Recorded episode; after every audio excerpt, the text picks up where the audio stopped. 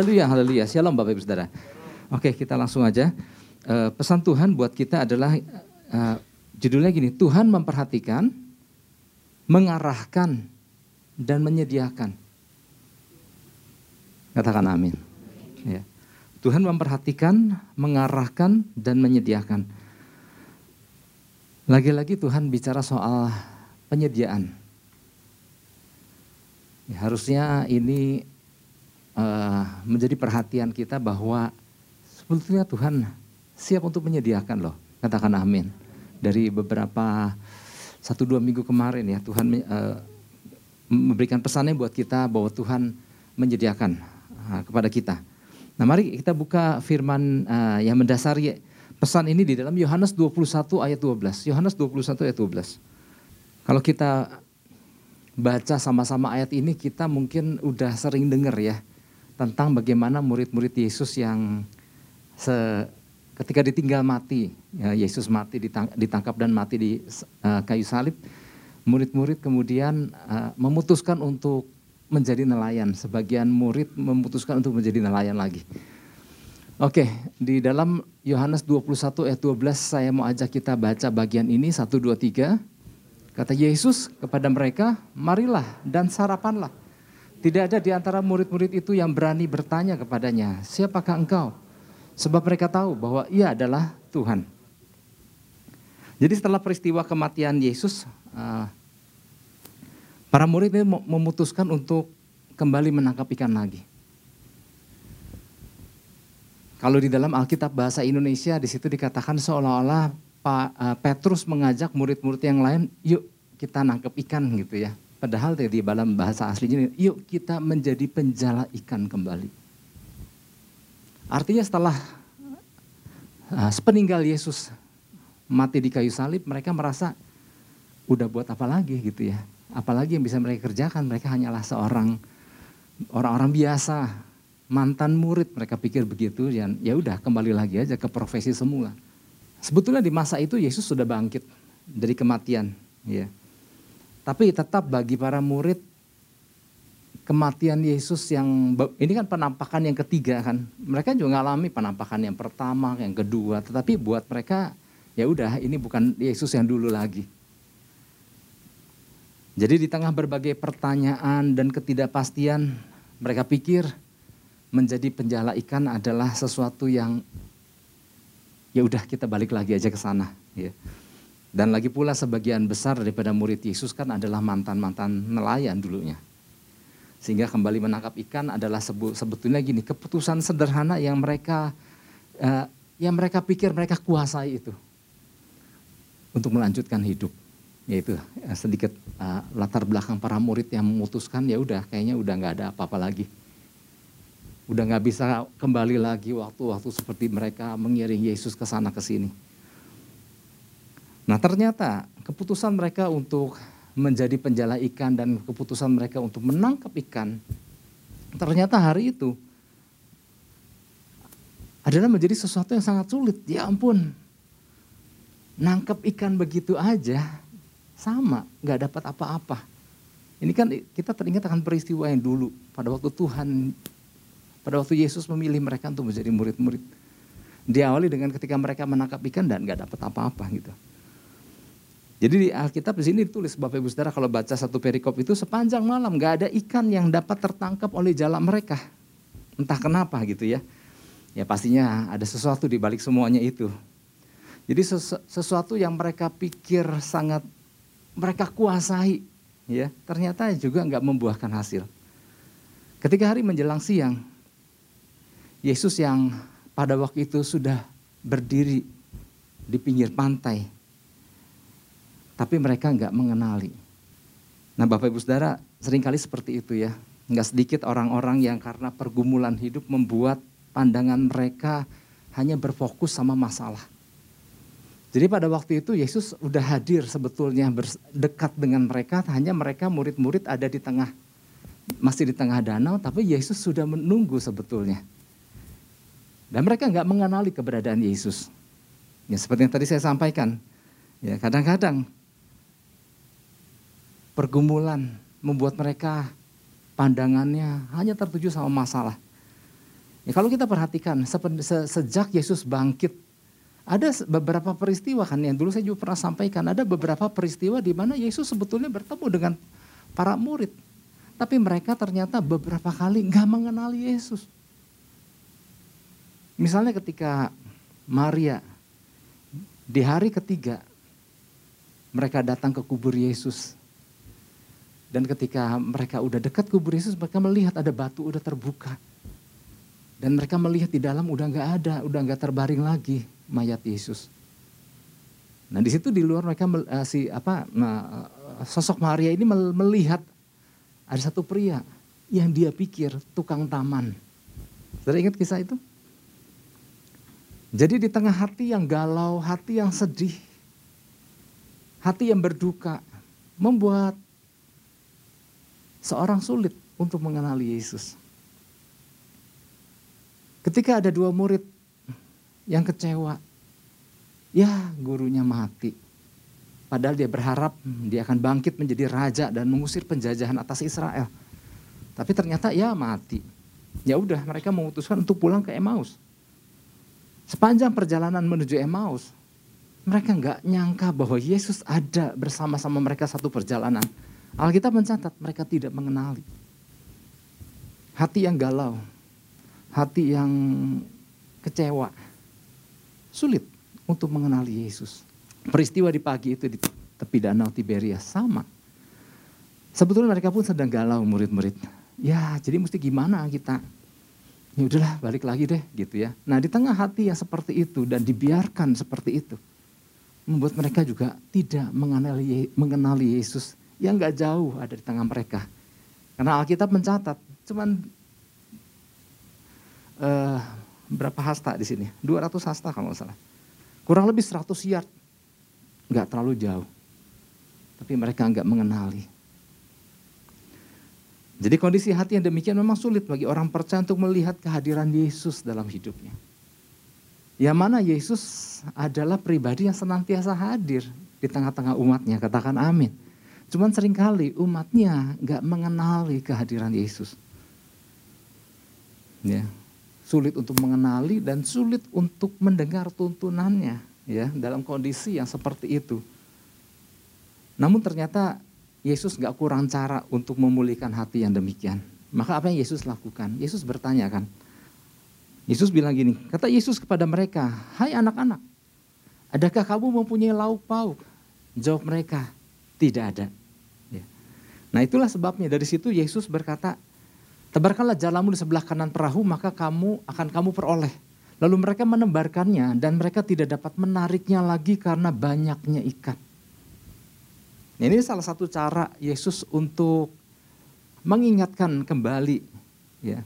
Jadi Yesus sedang membangun kembali peristiwa di mana pertama kali mereka berjumpa dengan Yesus. Ketika Yesus memanggil mereka untuk menjadi penjala manusia. Nah para murid kembali merasakan kehadiran Kristus yang bangkit di situ. Ya, kehadiran bukan hanya menyatakan kuasa tapi juga perhatian yang lembut dari seorang bapak kepada anaknya yang bertanya, kamu udah dapat lauk pauk belum? Sekarang tebarkanlah jalamu di sebelah kanan perahu. Nah di situ seakan kembali kehadiran Yesus, ya. Dan memang gak semua murid yang merasakan itu.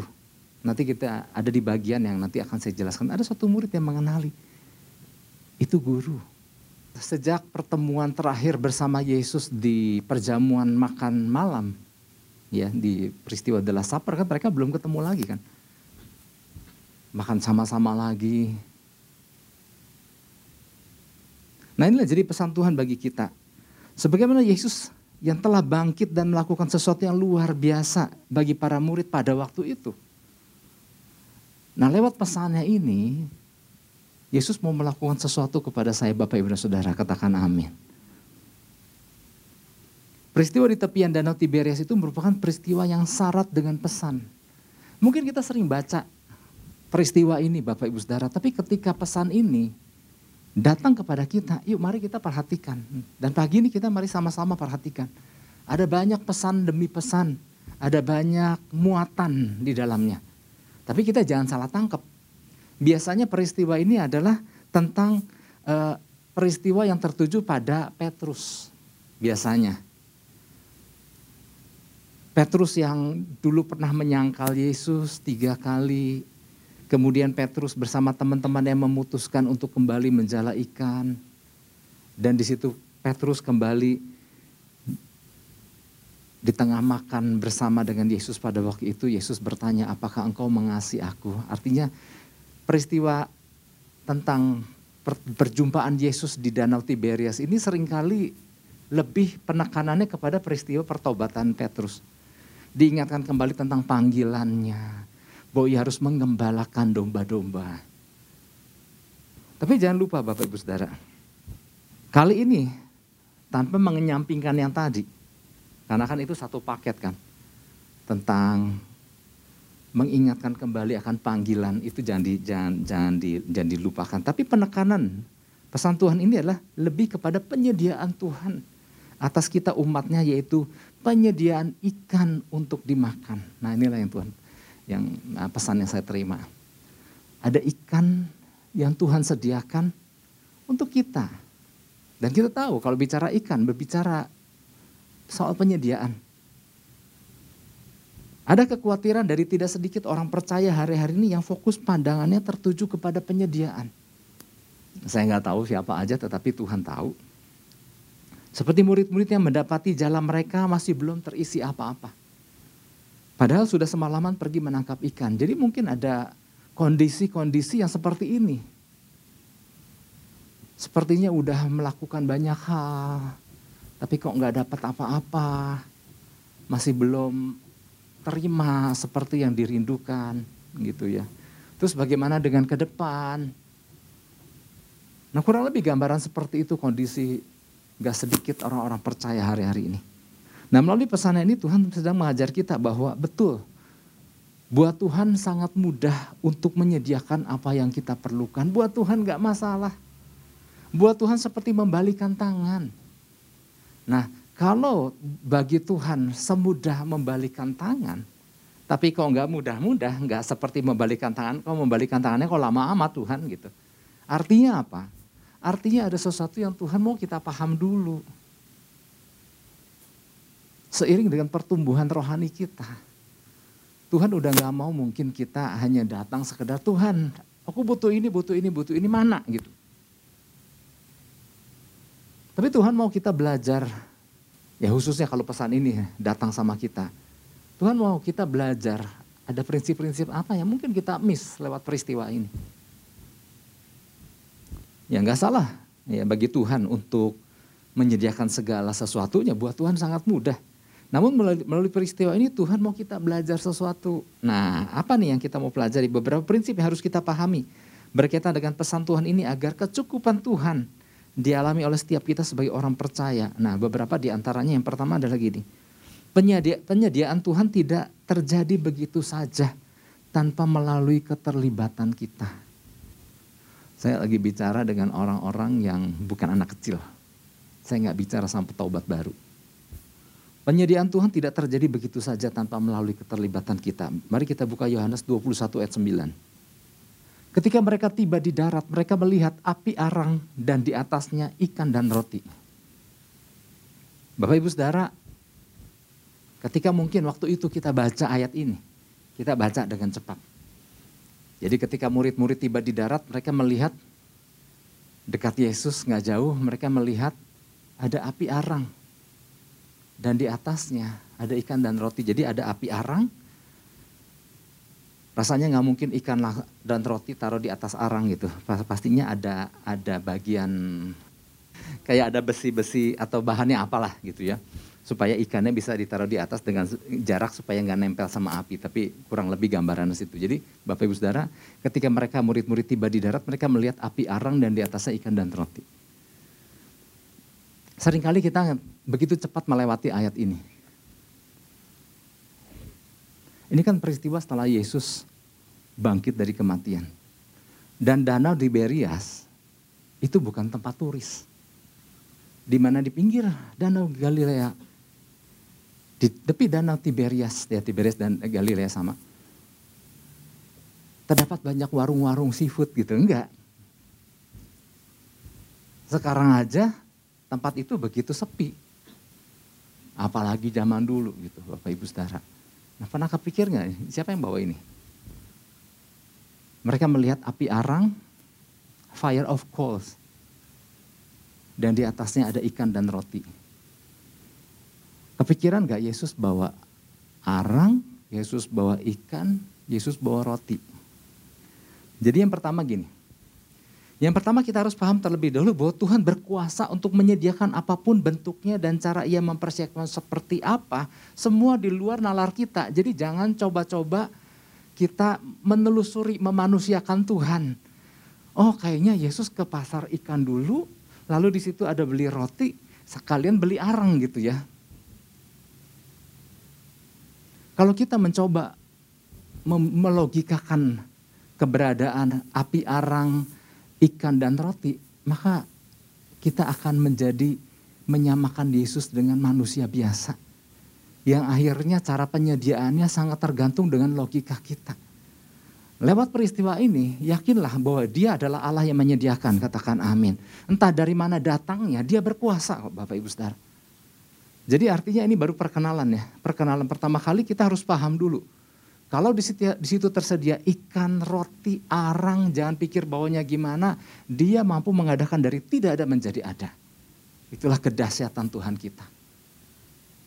Jadi jangan meragukan, aduh kalau kondisiku seperti ini di tengah situasi ekonomi yang terjadi, gimana cara Tuhan buka jalan buat aku? Udah itu mah bukan cara, bukan bagian kita mikir yang kayak gitu.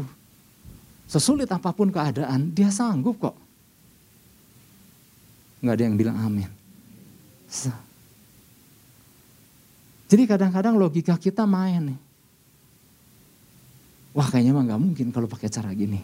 Kalau pakai cara itu ah kayaknya gimana, aduh situasinya susah sih pak.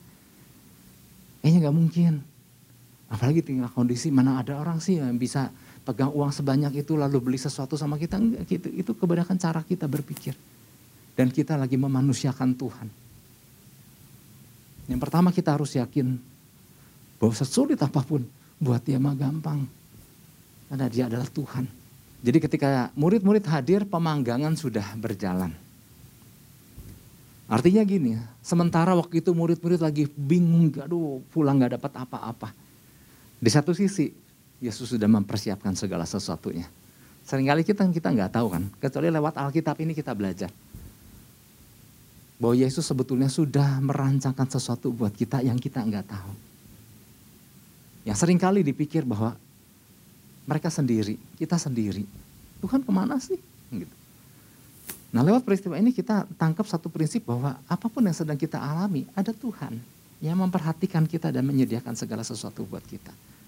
Yang memang waktu penggenapannya belum klop dengan uh, belum terjadi seperti yang kita mau. Jadi ketika kita merindukan penyediaan dari Tuhan, apa pun bentuknya, jangan memusingkan bagaimana Tuhan mendatangkannya. Tuhan mampu mengadakannya Bapak Ibu.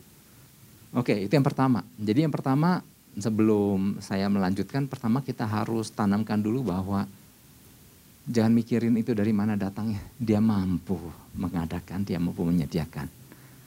Nah yang kedua, dari bagian satu ini adalah gini, Tuhan sedang mengajarkan sesuatu sama murid-murid. Nah, ada yang menarik di sini, ayat 10. Ayat 10 bilang begini, kata Yesus kepada mereka, bawalah beberapa ikan yang baru kamu tangkap. Betul Yesus sudah ada ikan tersedia, tapi berapa banyak sih gitu maksudnya yang yang di. Tapi uh, maksud saya gini, bukannya Yesus nggak nggak mampu bawa ikan banyak juga, kalau dia mau bawa ikan dari sejak awal dengan jumlah banyak untuk para murid juga bisa. Tetapi ada bagian ayat 10. Kata Yesus kepada mereka, bawalah beberapa ikan yang baru kamu tangkap. Bapak Ibu Saudara nangkap sesuatu di sini lewat pertanyaan ini.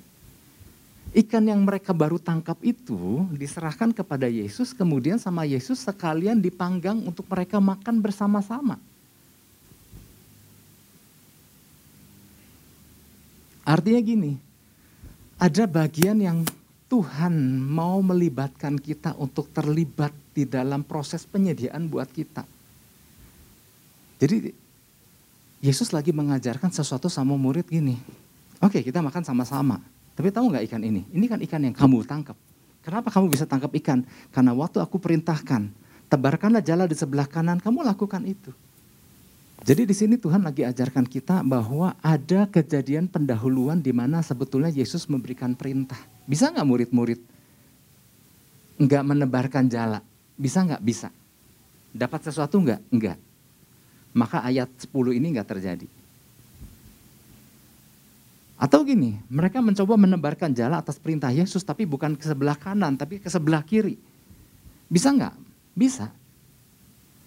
Dan akibatnya mereka nggak dapat apa-apa dan ayat 10 ini nggak terjadi. Tapi di bagian ini, betul yang pertama Yesus adalah penyedia. Dia bisa mengadakan sesuatu dari tidak ada menjadi ada. Tapi ada bagian di mana Tuhan mau melibatkan kita untuk turut bekerja bersama-sama. Diawali dengan ketika Yesus memberikan perintah, memberikan arahan. Apakah kita mengindahkannya enggak? Seringkali kita merasa perintahnya itu nggak ada hubungannya dengan masalah gue. Kenapa gue bisa susah-susah lakukan itu? Padahal kejadian pendahuluan itu adalah satu cara bagaimana cara Tuhan nanti lewat apa yang kita lakukan itu adalah ternyata buat keuntungan kita yang sering kali tidak disadari oleh banyak orang percaya. Karena fokus mereka hanya tertuju bahwa ini loh masalah aku, dan aku dan jalannya harus seperti yang kita bayangkan. Nah kalau jalannya seperti ini aku percayalah Tuhan bisa buka jalan. Tapi sering kali ada bagian-bagian yang kita abaikan. Ada perintah-perintah yang aduh apa sih ribet banget gitu. Dalam arti kata lain, Yesus mau melibatkan kita sebagai co-workersnya. Teman sekerjanya untuk terjadinya sebuah peristiwa yang mana kita juga yang akan menikmatinya. Karena ini, Yesus nggak mau selalu menjadi pribadi yang terus nyuapin. Makanya saya bicara ini, saya nggak lagi bicara sama orang-orang yang baru kenal Yesus petobat baru. Tapi Yesus lagi bicara peristiwa ini lagi bicara sama murid-murid yang udah iring Yesus sekian lama. Maka Yesus lagi mengajarkan kembali cara penyediaannya adalah ketaatan ketelitian akan perintah yang gak ada hubungannya sama sekali. Tapi lewat peristiwa itu, karena Tuhan pakai ternyata sebagai cara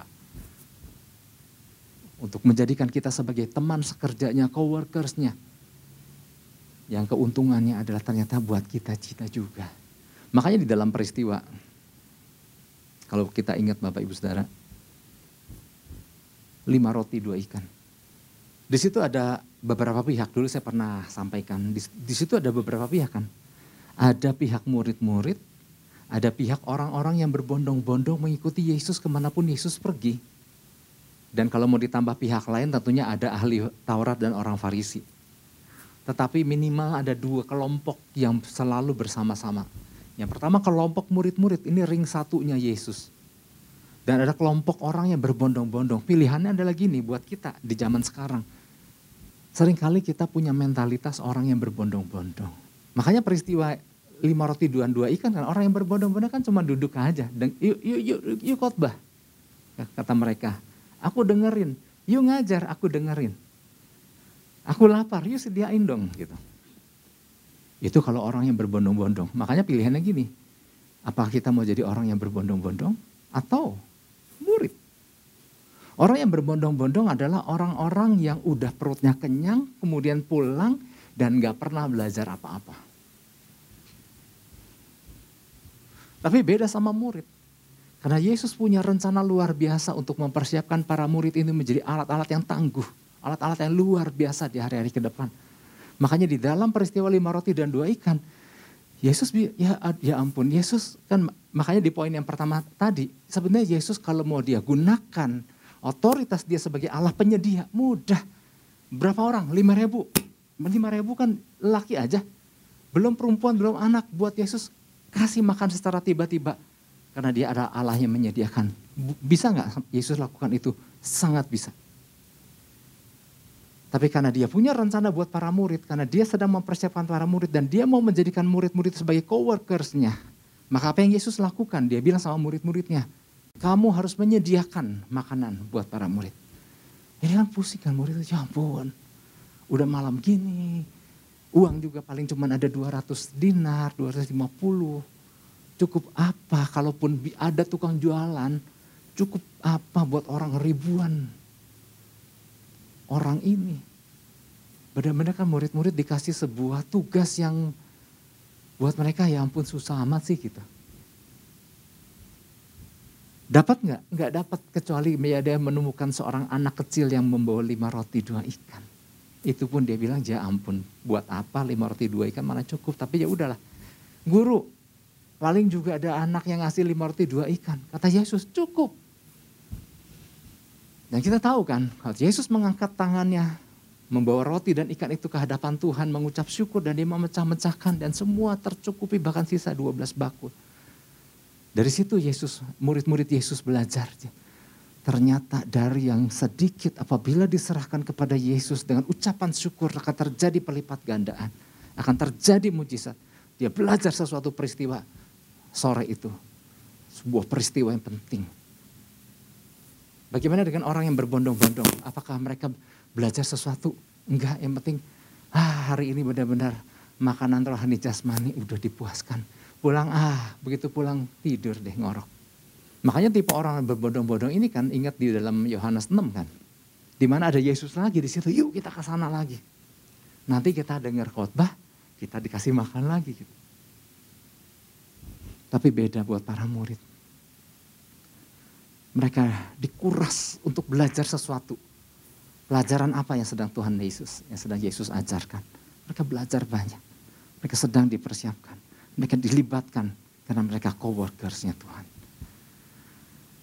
Nah di dalam kehidupan kita sehari-hari, sering kali kita sudah dilibatkan Tuhan sebagai coworkersnya. Tugasnya Tuhan bisa pakai siapa aja untuk melibatkan kita di dalam pekerjaannya. Tuhan bisa pakai gembala. Anak-anak muda Tuhan bisa pakai orang tua kita.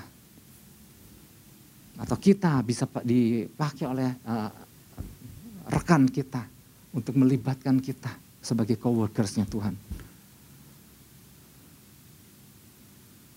Nah kalau kita nangkep prinsip ini, selalu ada tujuan ketika Tuhan melibat, rindu melibatkan kita dalam pekerjaannya. Ketika Yesus menyuruh murid-murid untuk menebarkan jalan, mereka bisa memilih untuk tidak melakukan. Ah, udah semalaman juga nggak dapat.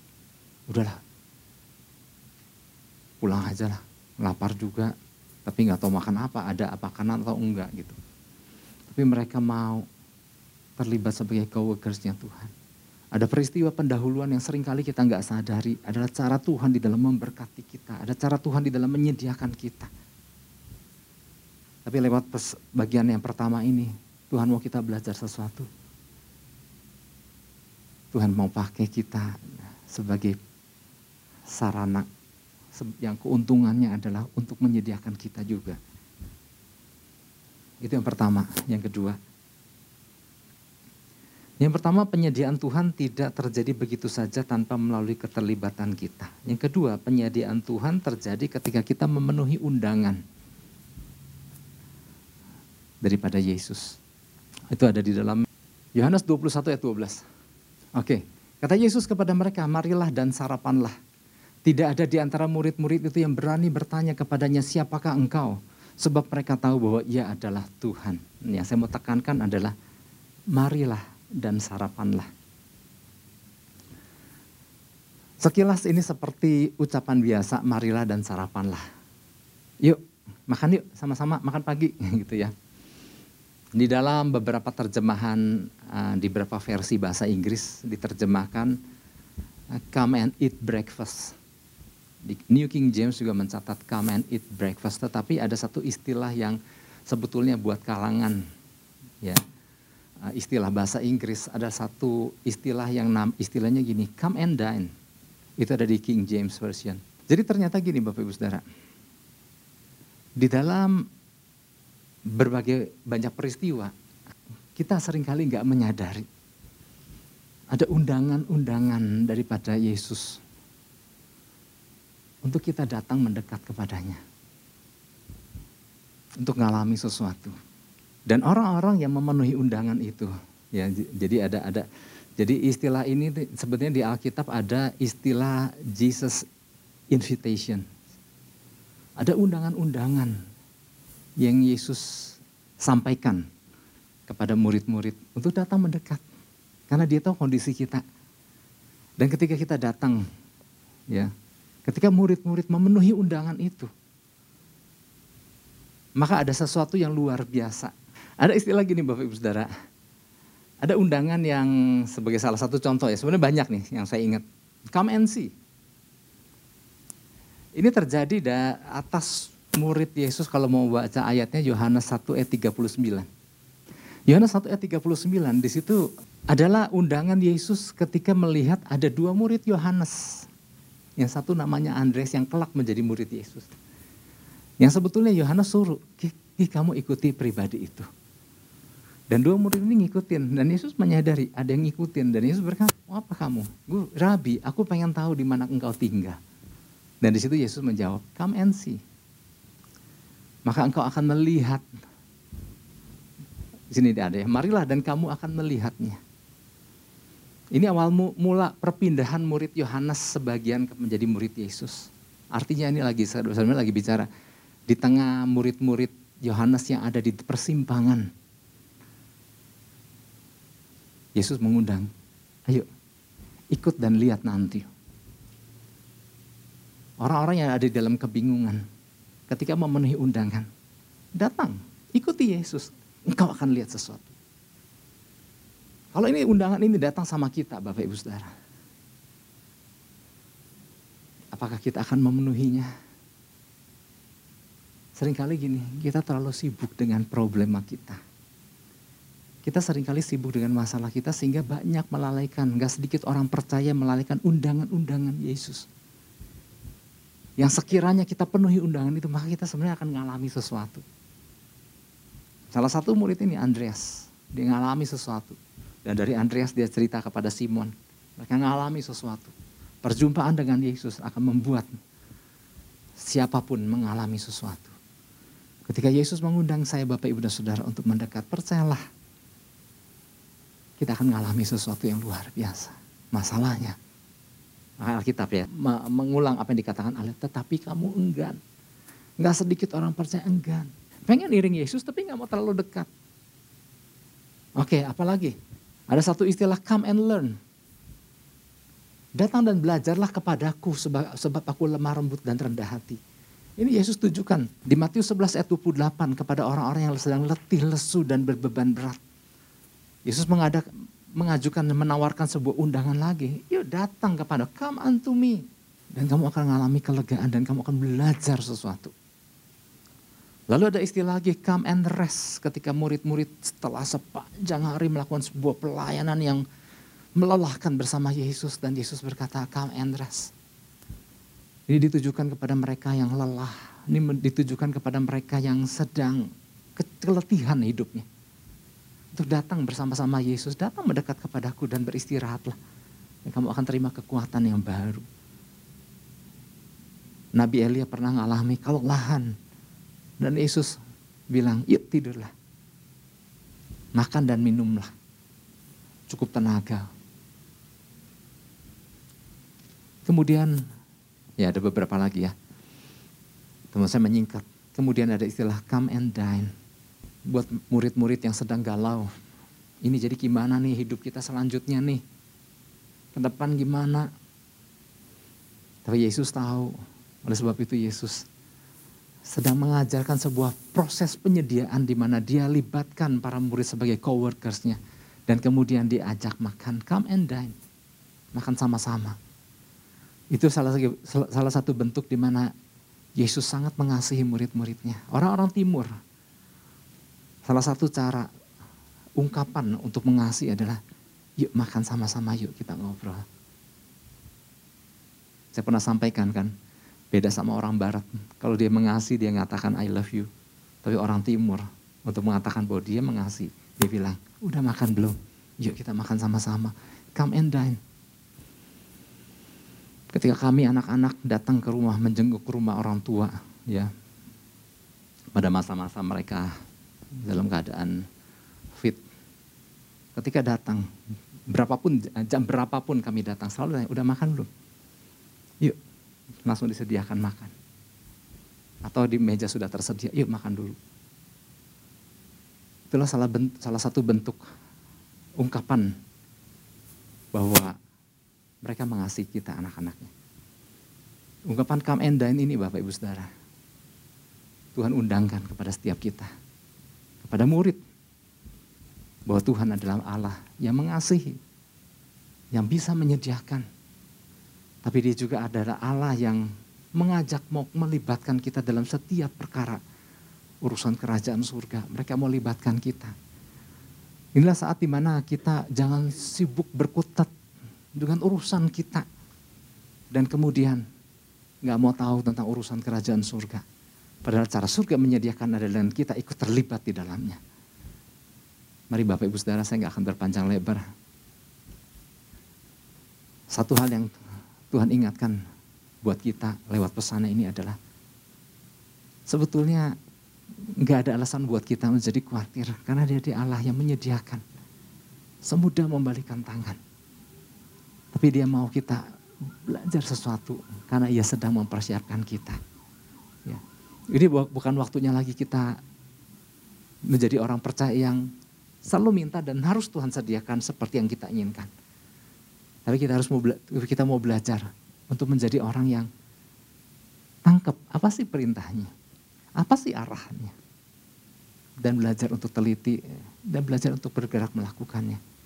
Karena itu adalah semua cara Tuhan untuk membawa kita masuk ke dalam rencana yang luar biasa. Yang ngerti katakan amin dan beri tepuk tangan buat Tuhan Yesus. Haleluya.